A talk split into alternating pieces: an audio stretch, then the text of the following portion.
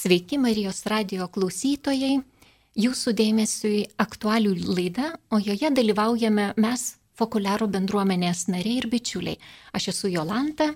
Marija Dalytė. Tomas. Šios laidos tema - visuotinė brolystė kurią pagal laidos sumanytojų idėją norėtume susijęti su popiežiaus pranciškaus pasiūlyta maldos intencija šių metų sausio mėnesiui. Aš perskaitysiu šitos intencijos e, turinį tekstą.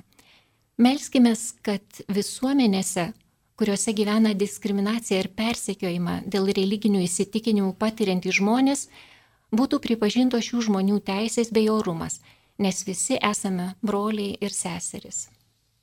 Štai tokiomis mintimis norėtume pradėti šitą laidą, bet kartu ir žvilgsniu į ką tik praėjusius metus, jų patirtį, mum pamokas, kurios mus galbūt stiprino, buvo išbandymai, augino tikėjime e, ir štai peržengėm naujųjų metų slengsti e, nedrasiai, nes tikriausiai susimastom, kasgi mūsų dabar laukia, ko dar turėsim tikėtis, priimti, suvokti, išgryninti. Tai naujas pasiruošimo etapas, o kiekvienam pasiruošimui reikia įsiklausimo. Turime įsiklausyti į save, į savo aplinką. Nepaneigsim, kad vis dėlto šių dienų tikrovė vis dar yra e, COVID-19 pandemija, kuri šiek tiek užgožė, bet nepanaikino buvusių problemų, jas dar pagilino, paaštrino. Ir mes pajutome, kad esame labai susiję ir kad kuo labiau esam susiję, tuo tie mastai krizės didėja. Stovime tartum kryškelėje pasirinkimų, krypčių yra daug, bet kurį kelią pasirinkti, kuris yra tiesus, kuriuo iš juo pasukti. Ir tokiomis akimirkomis iškyla egzistenciniai klausimai ir aš taip e, pasi, pasižiūrėjau, pasidomėjau, ką sakė Mm, mums žinomi žmonės. Na, pavyzdžiui, Mahatma Gandhi sakė, aukso taisyklė tai būti pasaulio draugais, pripažinti žmoniją kaip vieną pasaulio šeimą. O po 2001 m. rugsėjo 11 įvykių Dalai Lama, mums šių dienų įvykių priežastis yra aiški. Pamiršome pamatinę žmonijos tiesą. Visi esame šeima, viena šeima. Motina Teresė apie norą guosti nelaiminguosius sakė, kur kas baisiau nejausti širdyje meilės, nei sirgti raupsais. Meilė prasideda nuo rūpeščio pačiais artimiausiais, tais, kurie yra šalia mūsų, mūsų namuose. Taigi, brolybė, kas ji? Kokia tai savoka, ką ji slepia savyje, koks jos turinys? Be abejo, didelis iššūkis visų laikų visuomenėms. Bet ar jo šiandien reikia? Kaip ji gali mums padėti išspręsti iškilusias problemas? Kodėl šis principas yra vis dar ignoruojamas, pastumiamas į šoną? O gal tai yra tik dalies žmonijos svajonė ar tuščias romantizmas? Todėl mes vat, iškėlėm savo tuos klausimus, kai susitikom. Buvo labai svarbu įsigilinti, nes tuo jau daugelį metų gyvename, bet labai svarbu savo viduje atsakyti klausimus, kas man yra brolystė, ar ji gali būti žmonių sugyvenimo principas, pamatas, ko trūksta, kad ją įgyvendintume ir kokios yra mūsų asmeninės patirtis. Tai dabar ir pakviesiu pasidalinti. Tai gal pradėsiu tada dalintis aš ir kaip jau yra daugelį atvejų nutikę, Tai aš pradėčiau nuo maldos tėvę mūsų. Kai mes e, pradam, reiškia, tą maldą, tai žodžiais tėvė mūsų, reiškia, mes visi galvojam apie tai, kad aplinkiniai, nu bent jau aš manau, kad turėtumėm galvoti, kad aplinkiniai taip pat yra šalia stovintis, kažkur kitur esantis, kad aplinkiniai mum yra ir broliai, ir seserys. Ir ta malda tėvė mūsų turėtų, galėtų būti kaip, na, kaip kažkas tokio bendro ir mus visus vienijančio. Ir ta prasme, malda aišku savaime jinai mus visus ir taip vienyje, bet tai būtų kaip geras pagrindas arba vienas iš pagrindų tai mūsų brolybei pagrysti. Kadangi mes tai kreipiamės maldoje tėvę mūsų, o tėvas iš dangaus kiekvienam iš mūsų sako vaikeliai.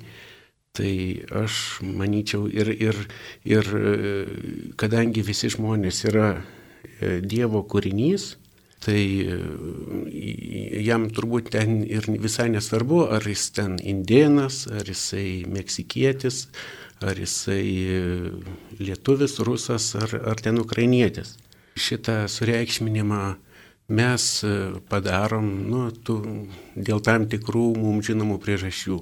Tai galima būtų pasižiūrėti apie brolystės visas patirtis, kurios yra parašytos, na ne visas, aš aišku visų dabar neprisiminsiu, kurios yra užrašytos Senajame testamente, ypač penkiaknygėje.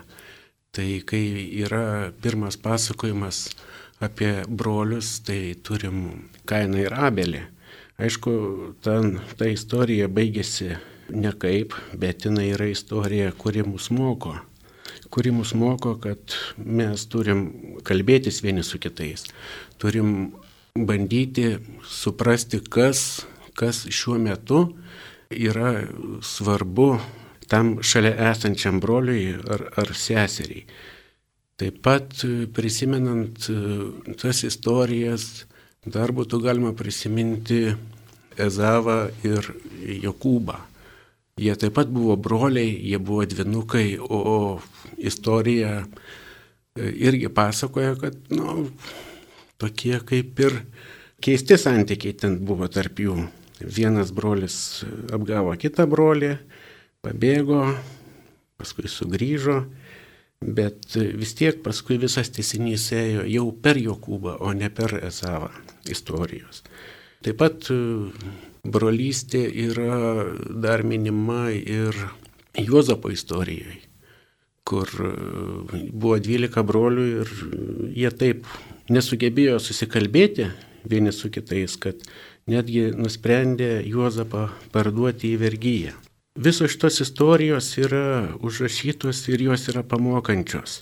Jos yra pamokančios visų pirma mums, kad jeigu mes e, kažką padarėm, na, mums atrodytų ne taip kažkaip, tai vis tiek galų gale galima tą žalą atitaisyti žmogui, kurį galbūt prieš tai ir niekinai, ir, ir smerkiai, bet e, ta prasme, kad tašką šitoj vietoj dėsim tikrai ne mes. Ir mes, būdami broliai ir seserys, galim tik tai sutarti ir bendrauti. Ir šiaip norėčiau šitą savo pakalbėjimą dar pabaigti apie Naujajam testamente užrašytų pasakojimų, apie tai, kaip e, Jėzus e, pasakė, kai e, jis ten svečiavosi Ir atėję pas jį sako, važiuok tavo broliai ir seserys ir motina nori pas tave pakliūti, o per žmonių gausą negali pakliūti. Ir Jėzaus atsakymas buvo konkretus ir lakoniškas, kad tie, kurie klauso tėvo valios ir jie vykdo, tai tie yra man ir broliai, ir seserys, ir mama. Todėl sakyčiau, kad brolystė mum kaip krikščionim tai būtų pagrindas per Jėzų einant e, prie tėvo, bandant įsiaiškinti tėvo valią ir e, ją vykdyti. Tai manyčiau, kad e, čia būtų mūsų brolybės pagrindas. Visa pradžia brolybės ir bet ko kito, bet kokių santykių tai yra kalbėjimasis. Mes labai daug prarandam ir atstumėm, nesikalbėdami vieni su kitais. Taip, taip, ačiū.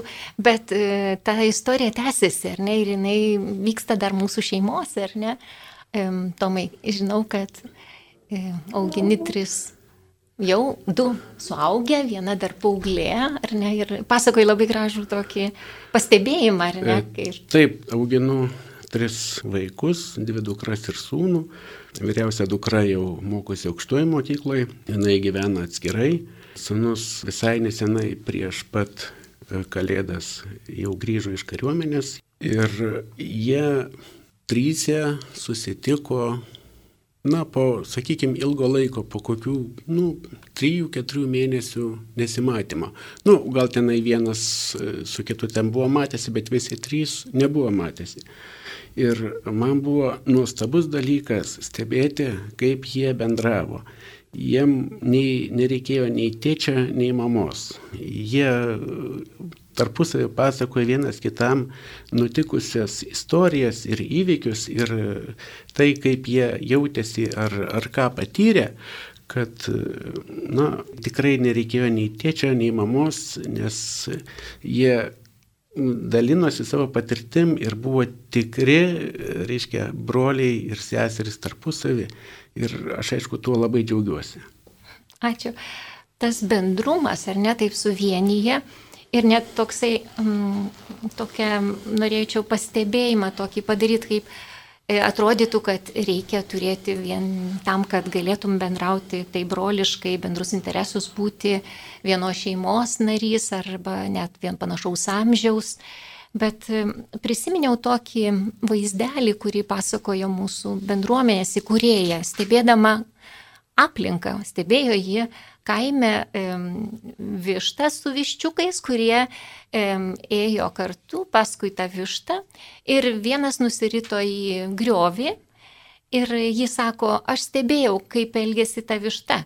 Ji nešaukė to viščiuko, užlipktų į viršų, ateik čia pas mus. Ne, jinai su visais savo viščiukais nusileido į griovio pakraštį, pasiimti tą viščiuką ir tada užkopė į viršų. Ir šitą vaizdelį pakomentavo, kad kaip svarbu e, nusileisti iki to savo pašnekovo lygio. Tai vadinasi, nėra svarbus nei amžius, nėra svarbus nei išsilavinimas, nei interesai, kaip svarbus mūsų vat, vidinis tas dvasinis nusiteikimas, ar nelabai pamokantis toks dalykas man, man labai padeda. Ir dabar dar kalbėjom kažkaip, be bendraudami, visi ruoždami tai laidai apie tai, kad va tas pagalba tokia betarpiška kitiems, ar ne, va sutiktam žmogui, ar ne, kad jinai turi būti labai e, tinkanti, kad ne, ne visada pagalba, ar ne, kaip būna priimama, ar ne, Tomai, sakai, gali atsitikti, kad tu liktai ir širdį atiduodi ir paskui nepriima jos, ar ne, kaip ten sakėjai. Taip. Taip, reiškia, tu gali atiduoti žmogui širdį, jis atsikas ir numes ją. Ir, ir, ir tu liksi kaip suskilusiai geldai. Ta prasme, aišku, visą laiką siūlant tą jau brolišką pagalbą ir visą kitą, na, pirmiausia, reikia įsiaiškinti, ko tam žmogui ten tuo metu iš tiesų reikia. Mhm. Ir man vat, patiko viena, vienos bendruomenės pamokymai apie, na, jeigu aiškiai mato, kad jiem trūksta pinigų Tai kiek, sako, vat, kiek tada jam reikia duoti tų pinigų? Ar tiek, kiek jam tuo metu reikia, ar daugiau? Ir kadangi pas juos yra ten griežta tvarka toje bendruomenėje ir jie turi būtinai atiduoti dešimtinę, tai yra sakoma, turi duoti daugiau, kad jisai atlikęs, reiškia, tuos savo poreikius, būtiniausius, kuriems gavo tą paramą, kad jisai turėtų dar ir iš ko atiduoti tą dešimtinę. Tai, nu, man, man šitas buvo tikrai nu, nuostabu girdėti. Aišku, nėra, nėra ten, manyčiau, to įpareigojimo, kad tu būtinai jau taip turi daryti, bet, na, tokie pamokymai kasdieniai, jie, jie yra. Išmintingi labai. Sakyčiau taip. Na, pakalbinkim dabar ir mūsų Mariją. Man tai norisi grįžti prie to pasakymo, kad atsikas širdį ir, ir numes. E, sunku mums nuspręsti, kodėl numetė ir, ir gal labai į tai, teikiant pagalbą, į tai nereikėtų labai gilintis, nes nu, kartais mes nežinom Dievo planų ir, ir gal palikim tai. tai e, norėjau iš savo gimtosios šeimos papasakoti tokį atvejį, kai man atrodė, kad buvo už pagalbą neatsilyginta, bet supratau vėliau, kad čia visai ne, ne dėl to tas buvo. Ir, ir jeigu taip grįžti prie savo gimtosios šeimos, tai pagal Tomo pasakojimą ir aš turiu iš savo gimtosios šeimos begalę gražių brolystės patirčių. Mano vyriausiam broliui 78 metai, jauniausiam 61 ir, ir broliškos santykios mes nugyvenom ilgą gyvenimą. Ir iki šiol vieni kitų pasilgstam, daug bendraujam, tariamės, padedam vieni kitiems, džiaugiamės kartu savo brandžiais jubiliejais, džiaugiamės anukais, vaikais. Mano gimtojo šeimoje augom trys sūnus ir trys dukros. Viena iš šių dukrų buvo karo metu priglausta našlaitė Rusė, gimusi ir augusi Leningrade.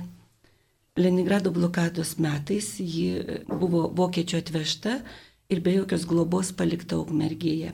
Mano tėtis, nuvažiavęs iš kaimo į ukmergį ir pamatęs sušalusi, įsigandusi beglobį vaiką, negalėjo jo palikti ir parsivežė į savo namus. Vėliau Valė įsivaikino ir užaugino išleido gyvenimą kaip savo dukrą. Valė buvo daug vyresnė už mane ir kai ji jau buvo ištekėjusi ir palikusi mūsų namus, aš, būdama jauna ir paika, mamai išrėžiau, kad tėveliaigi išvalės nesusilaukė jokio dėkingumo.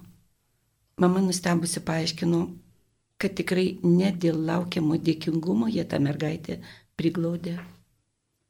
Mano dideliai nuostabai mama pasakė, kad tėvai yra labai dėkingi valiai, kuri galbūt išgelbėjo jų gyvybės. Tada sužinojau tokią tėvų istoriją iš pokario laikų. Tėvai, kaip ir daugelis Lietuvos kaimo žmonių, globojo ir rėmė tų apylinkių partizanus. Mūsų namuose kartais slapstydavosi partizanų vado slapyvardė Žaibo, tikroji pavardė Žylys, žmona su mažu vaikeliu. Matyti NKVD seklius, šnipus, ši žinia pasiekė ir vieną rytą tėvai atsibūdė pamatė, kad namai apsupti, tėvus suėmė, išvežė, laikė uždarė Rusiją, vadoklių miestelėje, tardė, grasino. Dievas davė, kad taip viskas susisuko, jog tėvams pavyko įrodyti, kad tas svetimas vaikas mūsų namuose tai valia iš Leningrado. Stribai apklausė Valę, ji nieko neišdavė, tik patvirtino, kad jos šeimą Leningrade išžudė vokiečiai, kad ji yra rusaitė. Apklausė Valę, ankavedistai tėvus paleido. Išgirdusi šią istoriją supratau, kad ir mūsų šeimos atveju tinka pasakymas viešpaties keliai nežinomi, nes niekada nežinai, kokius planus turi Dievas. Tikrai negalėjo būti didesnės dovanos tėvams iš Dievo už šios mergaitės priglaudimą. E, mano uošviai po karo taip pat buvo priglaudę iš karaliaučiaus pabėgusi paauglį vokietį. Ji maitino, globojo, slėpė ir pasirūpino, kad jis saugiai pasiektų Vokietiją. O kai tik nugriovė Berlyno sieną, kai jau galėjo atvažiuoti į Lietuvą, Günteris atvyko padėkoti savo gelbėtojams. Man tai gražus brolybės pavyzdžiai, nes abiem atvejais Svarbiausia buvo padėti kenčiančiam vienišam vaikui našlaičiui. Ir nesvarbu buvo, kokios jis tautybės, kokios jis religijos. Ir kai valią reikėjo krikštyti, tai mūsų parapijos kunigas pasakė, paklausė jos, ar tu krikštita Leningradė. Ir kai tą patvirtino, kunigas pasakė, kad jos krikštyti tikrai nebereikia. Katalikiškoje bažnyčiai, kad užtenka, žodžiu, gerbkim jos tikėjimą. Ačiū Marija už tokį gilų pasidalinimą. Noriu pakalbinti dalytę, klausantis tokių patirčių, dalytę, kaip tau atrodo, kai tada dalinomės, tai sakai, taip, reikia drąsos, ar ne, tokiam, tokiam žingsniui, ar ne, kad tai paliudyti, kaip tu, taip, tavo patirtis. Taip, tikrai reikia drąsos e, tokiam labai dideliam žingsniam, bet reikia nemažiau drąsos ir mažesniem Ir aš noriu papasakot, su kokiais žmonėm ir jų poelgėse susidūriau, kurie apvertė mano gyvenimą ir nulėmė tai, kad aš, sakysim, dabar čia esu pakolerų bendruomenėje. Kad yra toksai judėjimas užsienyje, aš e, žinau seniai dar sovietmečių iš savo kursiokės. Iš užsienio sugrįžusi ji pasakojo apie bendruomenę, kuri priima kiekvieną žmogų, nepriklausomai nuo jo e, religijos, tautybės, socialinės padėties amžiaus. Žvelgia jį pagarbiai, stengiasi suprasti jį ir jo poreikius ir jeigu reikia, pagelbėti konkrečiai. Bet manęs tai nesudomino. Taip, žinoma, tai yra nuostabu, tokie santykiai. E, bet tokie broliški santykiai, manome, kažkur ten, anapus geležinės uždangos, nes ten kitokios sąlygos. Pas musgi, kur ir sienos ausis turėjo, žmonės buvo persekiojami, trūko, trūko pasitikėjimo kitų ir nuoširdumo. Ir aš netikėjau, kad, kad gan nors mes galėtume ištrūkti iš tos priespaudos. Todėl ta brolybės idėja, nors ji ir labai graži, mūsų sąlygomis man pasirodė kaip utopija. Todėl tiesiog išmečiau ją iš galvos. Po kurio laiko jau pirmaisiais nepriklausomybės metais eilinį kartą nuvažiavau aplankyti tos savo kursiokės. O ji man pasiūlė nuvažiuoti į Valkininkų vaikų sanatoriją padėti iškrauti labdarą, kurią turėjo atvežti vokiečiai. Tuo metu buvo blokada. Sovietų sąjunga, norėdama parklubdyti mūsų nepriklausomybę atkūrusią valstybę, nutraukė energetinių resursų ir žaliavų tiekimą Dėl to pramonė merdėjo, trūko pačių būtiniausių dalykų, įskaitant ir maistą. Todėl labdara buvo labai svarbi. Pagalvojau, kodėlgi nepadėjus ją iškrauti. Kai nuvažiavome į sanatoriją, pasirodė, kad pavėlavome. Labdara, vaistai, drabužiai, maistas buvo jau iškrauti. Mažieji ligoniukai ir labdarą atvežę vokiečiai buvo susirinkę salėje. Kiekvieno vaiko rankose pamačiau po didžiulį milką šokoladą. Tuo metu tai buvo tikras stebuklas, nes koks dar ten šokoladas ar saldainiai, kai net cukraus, e, cukrus buvo normuotas, pardavinėjamas pagal talonus. Vaikai žinoma švitėjo, o vokiečiai pasakoja apie savo kelionę į Lietuvą. Pasirodo, jie tris paras laukia eilėje prie sienos, o tada buvo žiema, spaudė šalčiai, buvo apstulbusi, galvoju, kas to žmonės verčia aukoti ne tik savo pinigus, bet ir savo atostogas paromis leisti laiką šaltyje sunkvežimėje eilėje prie sienos. Supratau, kad tai kažkas, kas juos pastumėjo tai daryti, yra kažkas tikro. Gražių idėjų buvo ir sovietiniais laikais, buvo deklaruojama laisvė, lygybė, brolybė, bet tai buvo tik tušti devalvuoti žodžiai, nes realybė viskas buvo priešingai. O čia salėje pamačiau tikrą, realizuotą idėją. Tai mane užkabino. Ir nuo tos dienos esu fokuliarų bendruomenėje. Taip, tokia buvo pradžia, bet gyvenimas eina į priekį, ar ne, mes dabar galvojam, prisiminkime Pranciškaus žingsnius, ar ne, padarytų pasirašytą 2019 metais vasario 4 dieną Abu Dabyje labai svarbų dokumentą apie žmogišką brolybę dėl pasaulinės taikos ir taikaus sambuvio pasaulyje. Po to dar po metų enciklika Fratelli Tutti, ar ne, viskas apie brolybę. O tai kokią įtaką daro tai mums šiandien? Tada taip, o dabar, kaip tai atrodo šiandien? Ar tai mums skatina e, daryti žingsnius irgi tęsti šitą pradėtą iniciatyvą? E, šis popiežiaus inicijuotas procesas tik dar kartą patvirtina, kad populiarų judėjimas, vadovaudamasis Kerai Liubikdotos charizmos davonomis, eina teisingų kelių ir kad populiarų judėjimo tikslas siekti visuotinės vienybės įgyvendinant Evangelijoje pagal Joną aprašytą Jėzaus norą, tegul visi bus viena, tampa vis aktualesniu. Kera nurodė būdą, kaip reikia siekti šio tikslo, kuriant ir palaikant broliškus santykius. Pirmiausia, ką reikia daryti, anot Kero, siekiant broliškų santykių - išgirsti ir suprasti kitą, priimti kito kitoniškumą, O tai įmanoma tik nutildžius savo balsą, kad jis neužgoštų kito.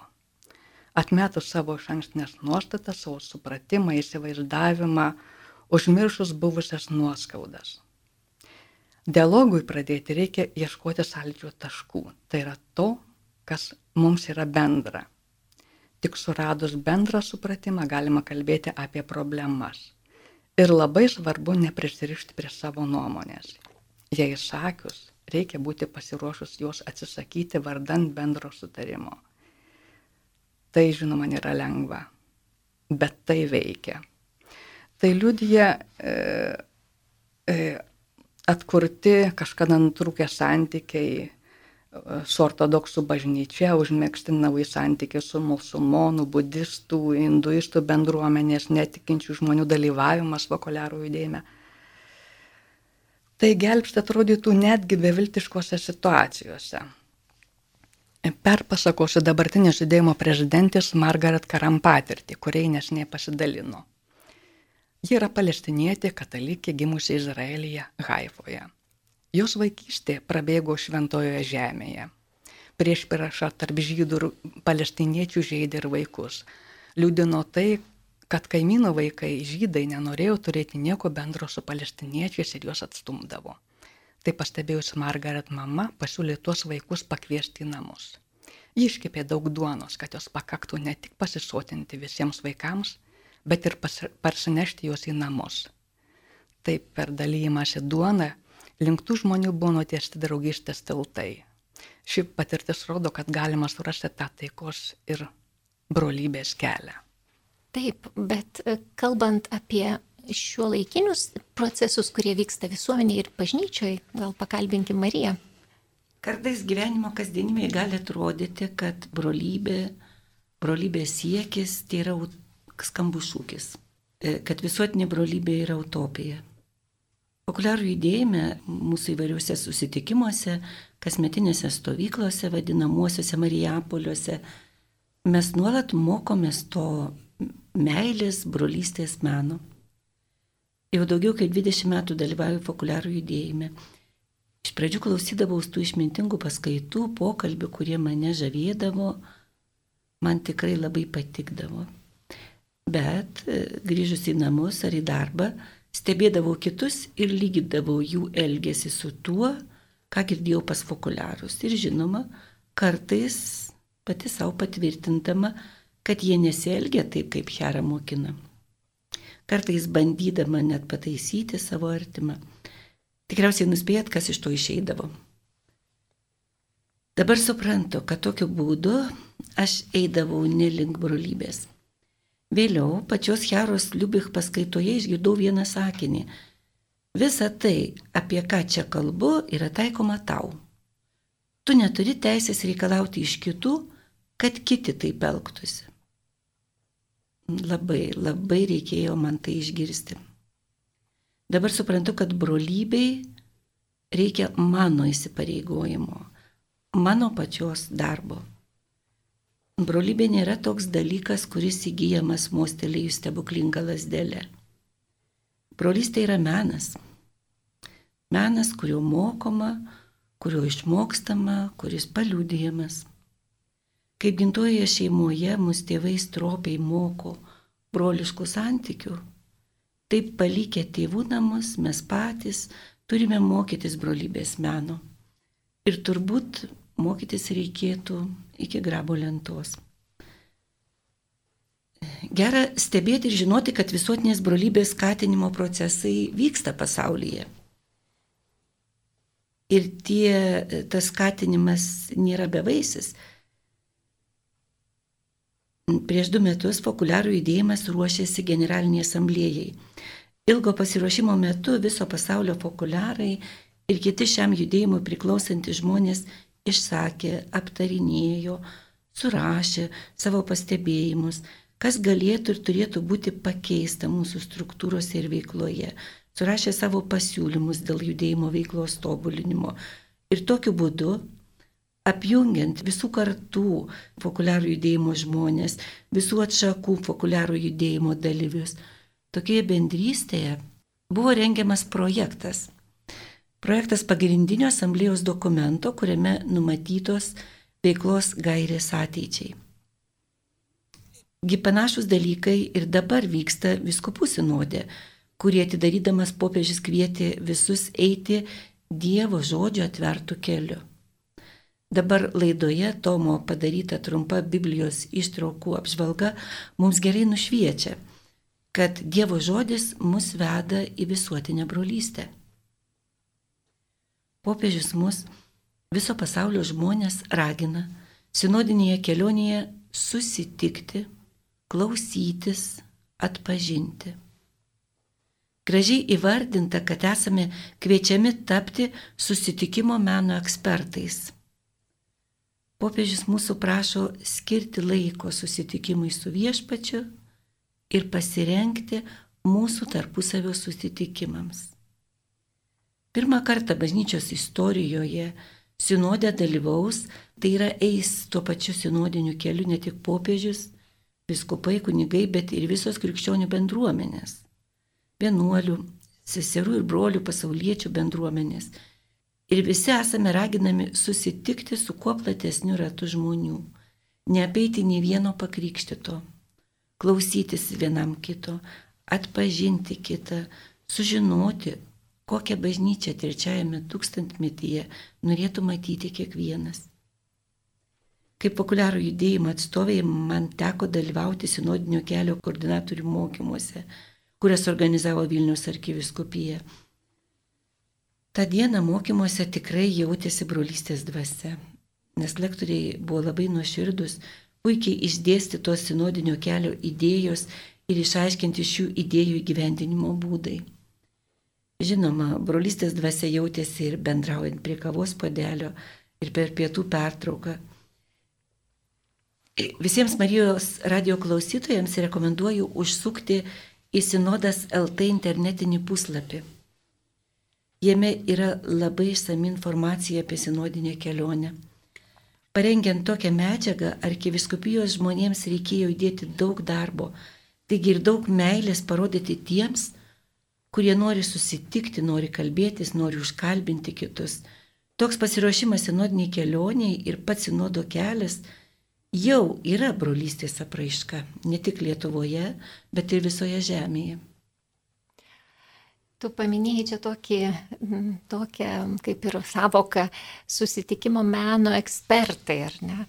Nu, garsų žodžiai, skambų žodžiai, tad kaip tą perkelti į tą mūsų gyvenimą, nes visuomėje mes matom, kad, nu, stringa, stringa ir dialogo kultūra, ir visko pasitaiko dalyti, kaip, kaip tu, būdama ekspertė. Na, aš nesu labai didelė ekspertė. Na, pastebėjau, kad žmonės kažko tikisi iš kitų, kad kiti kažką padarys. Bet manyčiau, kad pirmiausia reikia kiekvienam pradėti nuo savęs, savo aplinkoje atpažinti, kas žaidžia brolybę. E, tik taip galėsime ją gydyti. Ir kiekvieno indėlis, net mažiausias žingsnelis yra svarbus.